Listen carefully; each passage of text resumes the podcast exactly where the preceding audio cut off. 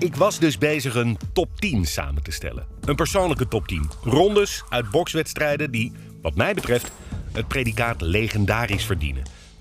Dat heeft na drie afleveringen dus negen wedstrijden, negen rondes opgeleverd.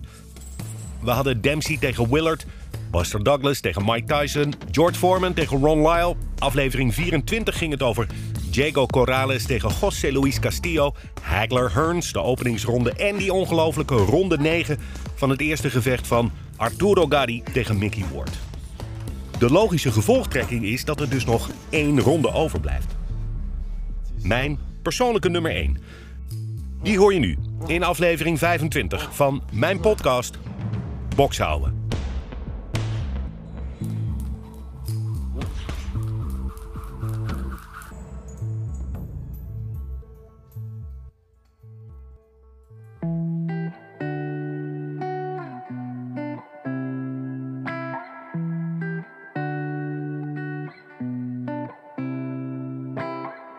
Kan niet een top 10 beste rondes uit de boksgeschiedenis maken zonder stil te staan bij the greatest of all time, Muhammad Ali. Nu zou je uit zijn carrière alleen al een top 10 kunnen samenstellen. Legendarische rondes. Ronde 14 bijvoorbeeld uit The Thriller in Manila.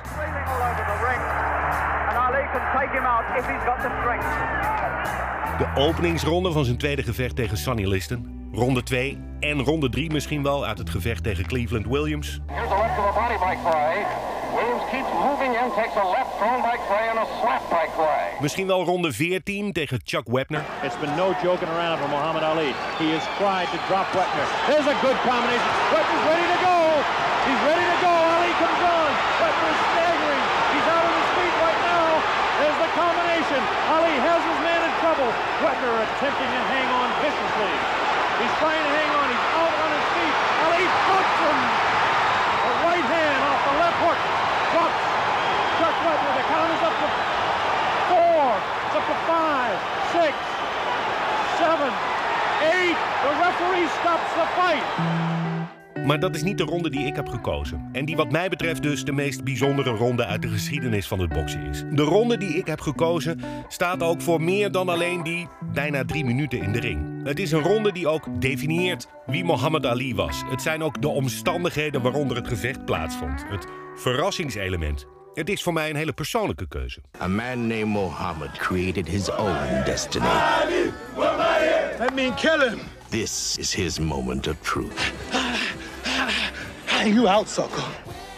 In 1996 zag ik in de bioscoop de documentaire When We Were Kings over dat gevecht waar deze ronde uitkomt. En ik raakte vanaf dat moment gefascineerd door de bokser, de mens Muhammad Ali, door zijn persoonlijkheid. Ali fights great. He's got speed and endurance. If you sign to fight him, increase your insurance. Ali's Ali's got a left, Ali's got a right. If he hits you once, you're asleep for the night. And as you lie on the floor while the ref counts 10, you better hope and pray you don't meet me again. For I'm the man this poem is about, the true champion of the world, there isn't a doubt. Door waar hij voor stond. It has been said that I have two alternatives either go to jail or go to the army. But I would like to say that there is another alternative. And that alternative, that alternative is justice. And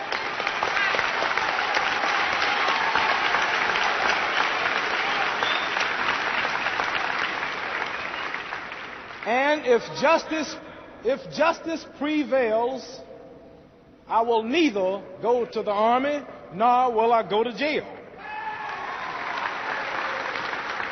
My intention is to box to win a clean fight.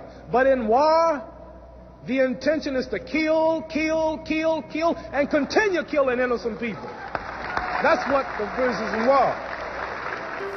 Door wat hij betekend heeft voor de emancipatie van zwarte mensen, zwarte sporters. Ik kende Ali ook voor deze documentaire wel. Maar na het zien van When We Were Kings en alles wat ik daarna las, zag en hoorde over Ali, werd me eigenlijk pas echt duidelijk wat voor een buitencategorie bokser en mens hij was. If I tell you a mosquito could pull a plow, don't ask how, hitch him up. Muhammad Ali werd voor mij niets minder dan een, een idool, een inspiratiebron, een held.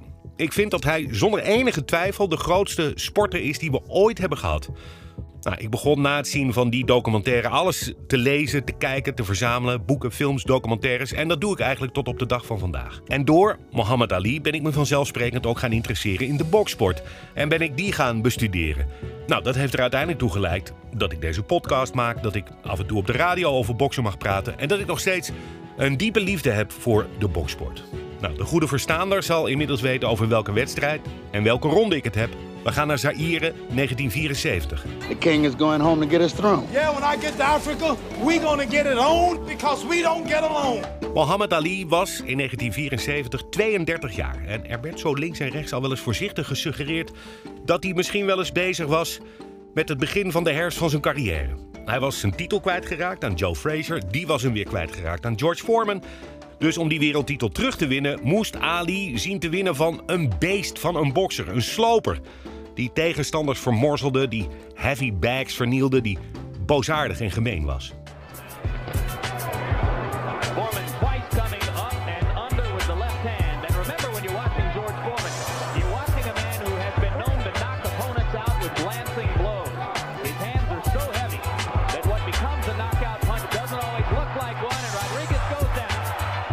Dat gevecht vond plaats in Kinshasa, Zaire. Bokspromotor Don King kwam in contact met de dictator van dat land, Mobutu. Die kon wel wat positieve pers gebruiken, legde 10 miljoen dollar op tafel. En daar ging een hele stoet mensen naar Afrika, wat begin jaren 70 nog behoorlijk uitzonderlijk was. In het kielzog van dat bokscircus ging er ook een hele stoet muzikanten mee. B.B. King, Bill Withers, James Brown, want rond dat gevecht werd er ook een festival georganiseerd. En dus werd The Rumble in the Jungle voor veel zwarte Amerikanen die daarheen gingen, onder wie Ali, die trouwens al eerder in Afrika was geweest, het werd een spirituele reis. I thought the Congo was a lot of jungle and little rough mamas running around attacking, and you know, you hear about all this. In America make you think? You know, some people scared to come over here. It was in the press, scared to come over here. And you know, people drive their cars and they're so peaceful and nice, and they got their own airports and hotels and little houses and little streets and little nightclubs, and it, it ain't so bad. No kid, New York is more of a jungle than here. En daar in Afrika verovert Ali de harten van de lokale bevolking, terwijl hij zich voorbereidt op zijn gevecht met Foreman. En iedereen houdt zijn hart vast en maakt zich grote zorgen. Niemand geeft Ali een schijn van kans, behalve hij zelf. Hij kondigt al aan wat zijn tactiek zal zijn. This man has never knocked nobody out cold. He's a bully. He's slow. He has no skill, no footwork. He's awkward. And I have been given him a name. I named Floyd Patterson the rabbit. I named Sonny Liston the bear. And he shall be known as officially as the mummy. the mummy. And why, why the mummy? Because he fights. When he's fighting, if you ever watch him in the ring, he he he he drags like that after his opponent.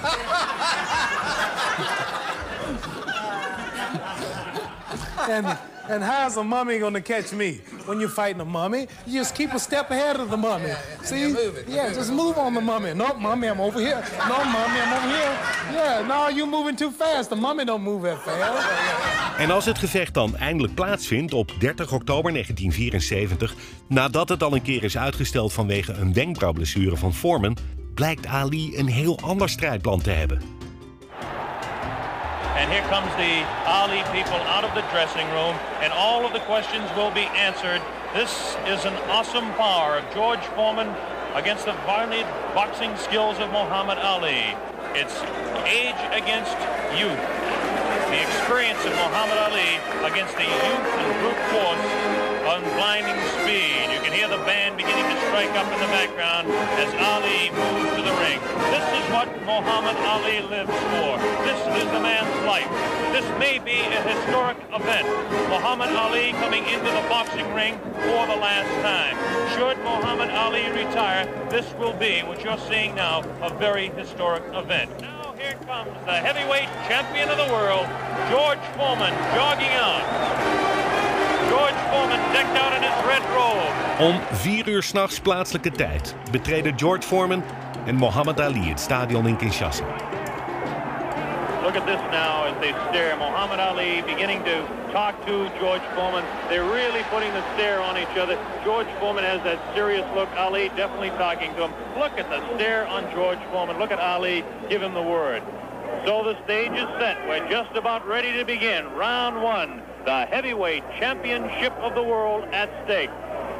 There can be no more pure form of sport than a heavyweight championship fight when two individuals, finally two athletes, climb into the ring. This time, the championship is at stake and $5 million will be paid to both fighters. Ali ready, Foreman ready. We're waiting for the opening bell. Can Ali dance and stay away from him?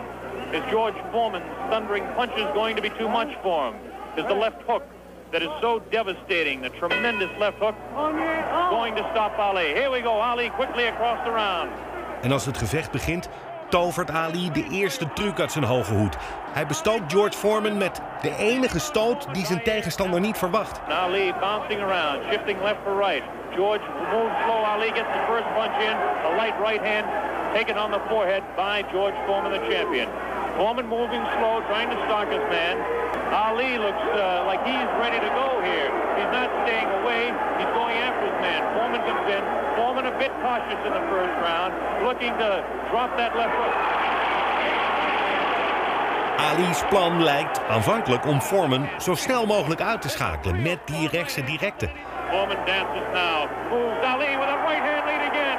Has Foreman slightly confused with that right hand lead, which I haven't seen too many times before. Dat lukt niet. Wat wel gebeurt, is dat Foreman verrast en beledigd is door deze tactiek van Ali, die eigenlijk suggereert dat Foreman langzaam is.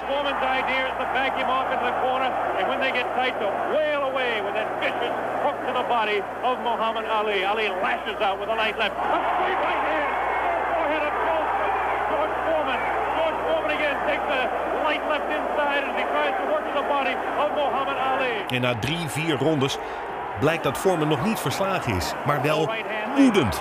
En dan verandert Ali zijn tactiek opnieuw. Hij gaat in de touwen hangen, de beroemde rope-dope. En ronde na ronde laat hij Foreman hem bestoken. All of a sudden he opens up. Four punches downstairs on Ali. Ali, of course, has protection around that area he was being hit by. Ali showing the ability to punch inside against George Foreman. Now the fighters move across the ring. A right hand lead by Foreman this time. Another right hand. A good right hand taken on the left side of the cheek, on the jaw of Muhammad Ali. That was the best punch so far for George Foreman. I don't know if you saw it, but it did spin the head around of Muhammad Ali. Klap na klap na klap. Foreman trying to back Ali up really throws the right hand in the body of Muhammad Ali. Doesn't seem to bother Ali as Ali stands on his toes, works downstairs, goes downstairs. Good left hook by Ali, good left hook by Foreman. En in ronde 7 is George Foreman uitgeput. Totaal leeg. Ali doing what he did to some smaller men, Nog niet eerder in zijn carrière heeft hij zo lang zoveel rondes moeten boksen. En op het moment dat de tank bij Foreman leeg is, slaat Ali genadeloos toe. Ali hanging on, getting away with it, getting away with it. The left hand taken on the side of Ali's cheek, the left hook again on the side of the gloves. Right hand by Foreman was not effective. The right uppercut did bounce the head a little bit. His punches will not hurt him, protecting his face at all times, does Ali. Foreman throwing more punches now. Maybe this could be the tactic of Ali to let the man punch himself out. 30 seconds left in round eight. Very even fight. Ali, a sneaky right hand. Another sneaky right hand. This time he works over the shoulder of Foreman. This is a combination.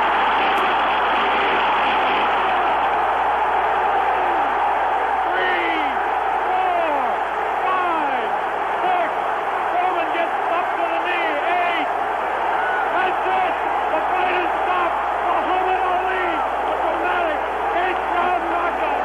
He knocks out George Foreman. He's done it. Muhammad Ali has done it. Muhammad Ali has done it.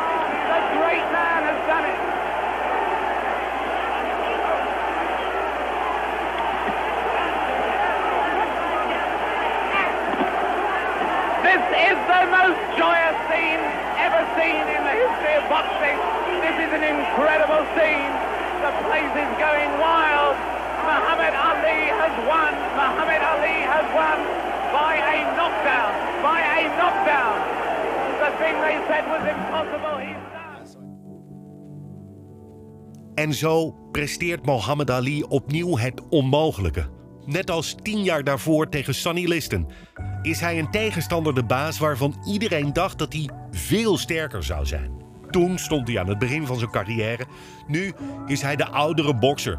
Van wie mensen dachten dat hij misschien wel over de hill was, een has-been. Maar Mohammed Ali snoert alle critici en iedereen die aan hem twijfelde de mond. Everybody stop talking now. Attention. I told you, all of my critics, I told you all that I was the greatest of all time when I beat Sonny Liston. I told you today I'm still the greatest of all time. Never again defeat me. Never again say that I'm going to be defeated. Never again make me the underdog until I'm about 50 years old. Then you might get me. But I didn't dance. I didn't dance for a reason. I wanted to make him lose all his power. I kept telling him he had no punch. He couldn't hit. He's swinging like a sissy. He's missing. Let me see your box. I hadn't started dancing yet. You can't say my legs are gone. You can't say I was tired because what happened? I didn't dance from the second round on. I stayed on the ropes. When I stay on the ropes, you think I'm doing bad. But I want all boxers to put this in the page of boxing. Staying on the ropes is a beautiful thing with a heavyweight when you make him shoot his best shots and you know he's not hitting you. I would have gave George Foreman two rounds of steady punching because after that he was mine. Donderdag is het precies 40 jaar geleden dat in Zaire The Rumble in the Jungle plaatsvond. De legendarische bokswedstrijd tussen George Foreman en Muhammad Ali. And there you hear the sound of Ali. Radio 6 blikt terug op dit gevecht en brengt een muzikaal eerbetoon aan Muhammad Ali. In 2014 maakte ik, samen met Joris Hendricks en Norman Capoyos... voor het toenmalige NPO Radio 6 Soul and Jazz... een special over The Rumble in the Jungle. Die werd uitgezonden op 30 oktober, exact 40 jaar na het gevecht in Zaire. We blikten terug op het leven en de carrière van Muhammad Ali.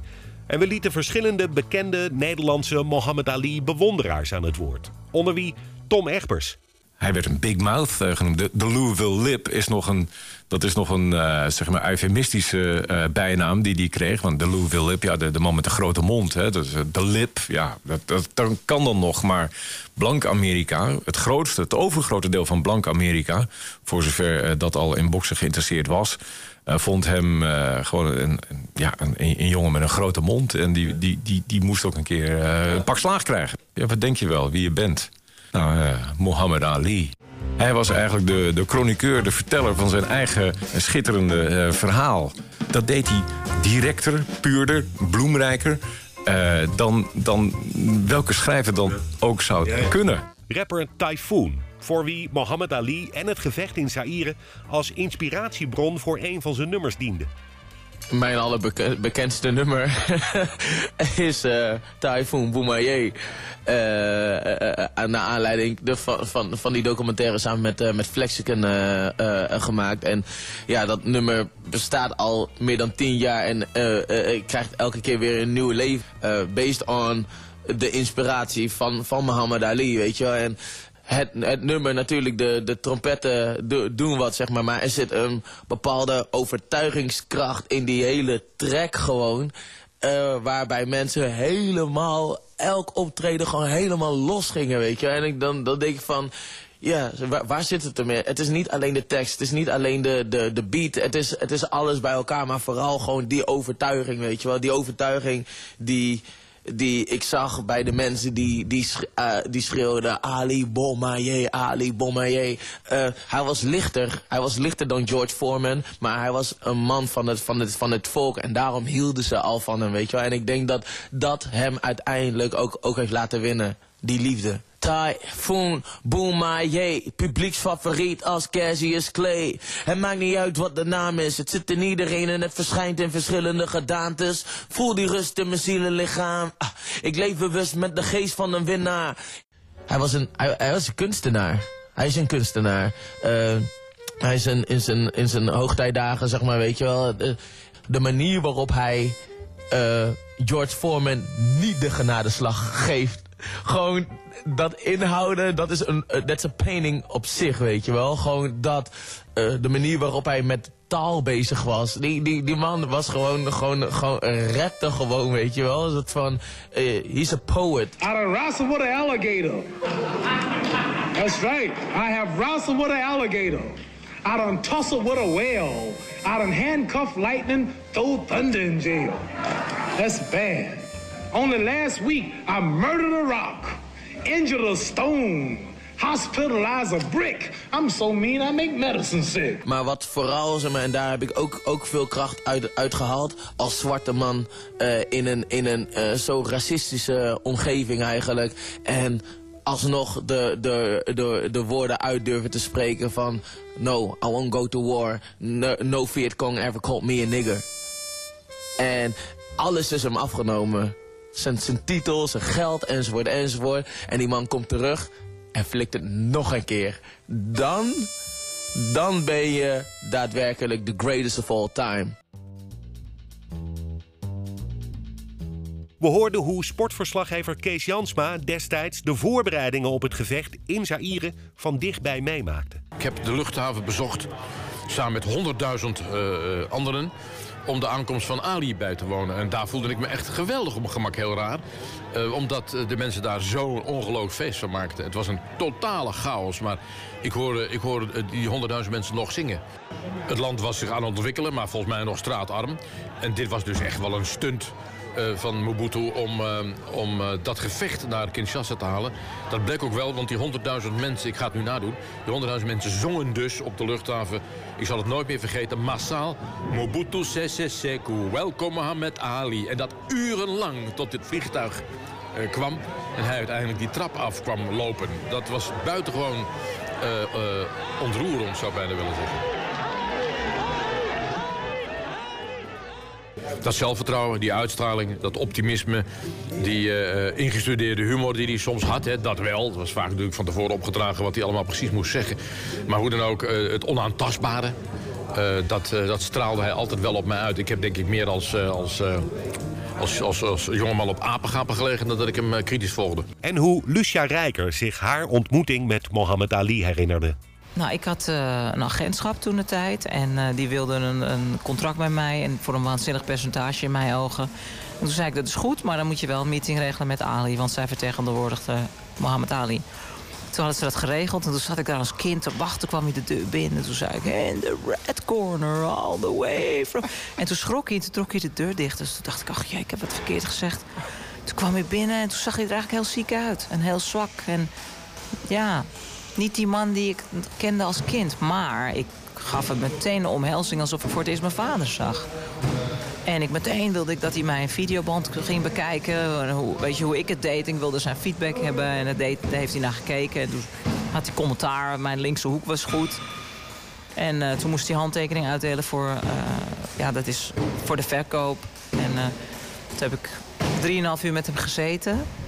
En hem gevoerd, want hij kwijlde. En ja, dat doet dan pijn, mm -hmm. weet je. Maar het was wel een hele bijzondere ontmoeting. Om... Maar wat ik me nooit meer vergeet, was binnen vijf minuten...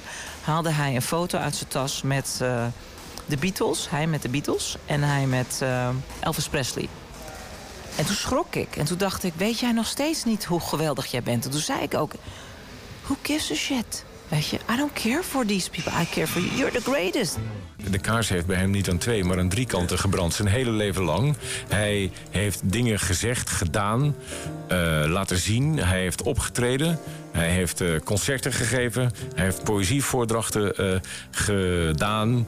Hij heeft de meest meeslepende sportgevechten uit de geschiedenis van de mensheid gevoerd. En daar heeft hij ons allemaal deelgenoot van gemaakt. Hij heeft zonder mensen daadwerkelijk te verwonden buiten de ring. Uh, enorme, enorme gevechten ook buiten de ring uh, gevoerd voor datgene waar hij voor staat.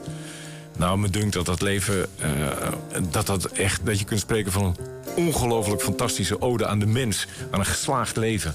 Dit, dit, veel geslaagder dan zo'n leven kan een leven eigenlijk niet zijn. Leven eigenlijk niet zijn. The Rumble in the Jungle was de wedstrijd die van Muhammad Ali de onbetwiste mondiale koning van het boksen maakte.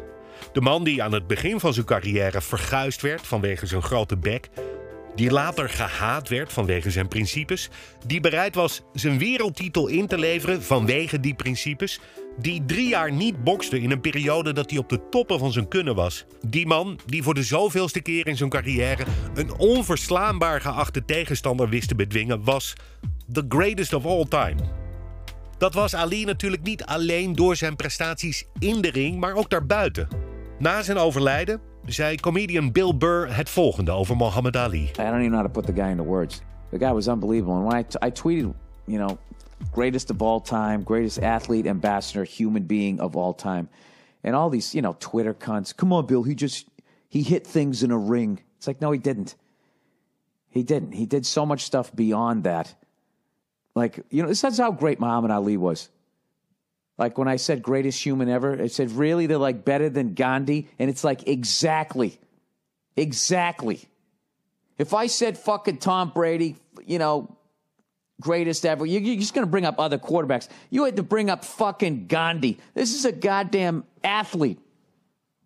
That's a good comparison because he was doing Gandhi shit outside of the ring and he could knock out anybody in the world. The guy could hold court in the poorest of the poor right up to the White House. When he walked in, he lit up the room. Everybody shut up and you never forgot it. And, uh, and on top of that, he was one of the greatest fighters of all time, if not the greatest. Hij vat het denk ik goed samen. Als sporters overlijden, worden ze vaak vergeleken met andere sporters. Ali werd, toen hij overleed, vergeleken met wereldleiders, politici, vrijheidsstrijders. Het is nu 2021 en nog steeds verschijnen er jaarlijks boeken, films en documentaires over Muhammad Ali. Noem één andere sporter bij wie dat ook gebeurt. Er is zelfs een of andere idioot die maakt een podcastserie over boksen door Muhammad Ali. Het toont wat mij betreft aan hoe groot en bijzonder hij was als mens en als bokser. En eigenlijk komen al die aspecten van Muhammad Ali samen in ronde 8 van The Rumble in the Jungle in 1974. En daarom is dat voor mij de mooiste, de beste en de meest bijzondere ronde uit de geschiedenis van de boksport. Tot slot nog dit. In 1974, het jaar van The Rumble in the Jungle, woonde ik in Dar es Salaam in Tanzania, een buurland van Zaire. Als ik wel eens in een filosofische bui ben, dan stel ik me voor dat ik toen iets van de aanwezigheid van Ali heb gevoeld. Iets van de magie van dat gevecht heb meegekregen. En dat mijn interesse in en bewondering voor Muhammad Ali daar ontstaan is toen ik een jaar of drie was. De kans dat dat ook echt zo is, is natuurlijk vrij gering. Maar on the greatest of all time nog maar eens te citeren: A man who has no imagination has no wings.